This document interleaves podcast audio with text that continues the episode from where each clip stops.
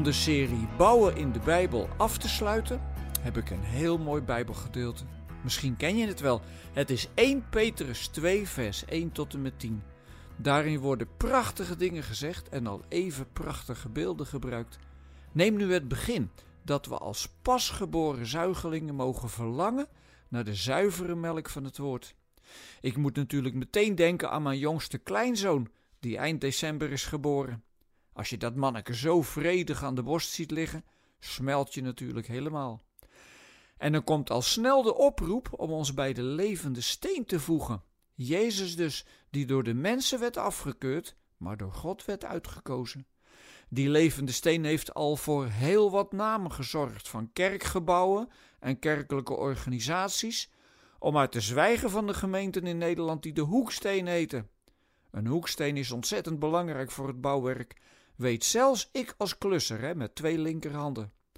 Maar in dit gedeelte komt meteen ook het conflict naar voren met de wereld. Het is zo anders om te leven als christen.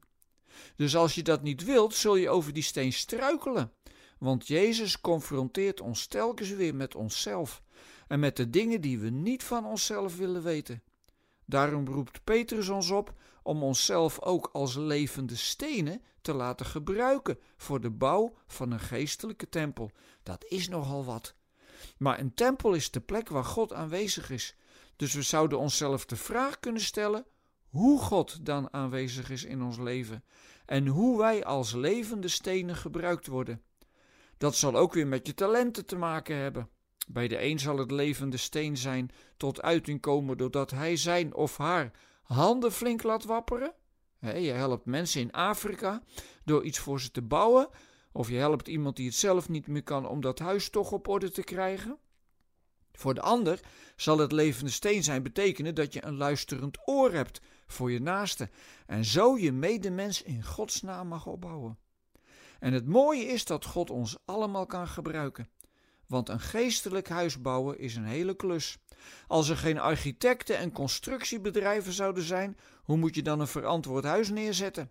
En als er geen geestelijke architecten en constructieve mensen om je heen zijn, hoe kun je dan ooit een levende gemeente worden? Het is een geweldige uitdaging. Maar Petrus vertelt ons ook dat we werkelijk nooit aan ons lot worden overgelaten. Daarom is deze oproep ook zo troostrijk. Hij vertelt ons dat we Gods ontferming mogen ontvangen. En zou dat niet genoeg zijn voor een prachtig bouwwerk? Een bouwwerk van allemaal klungelige mensen met geestelijke linkerhanden, die samen vanuit Gods ontferming een huis bouwen waar je gelukkig kunt zijn en kunt worden. Waar Jezus de hoeksteen is en zijn liefde het cement.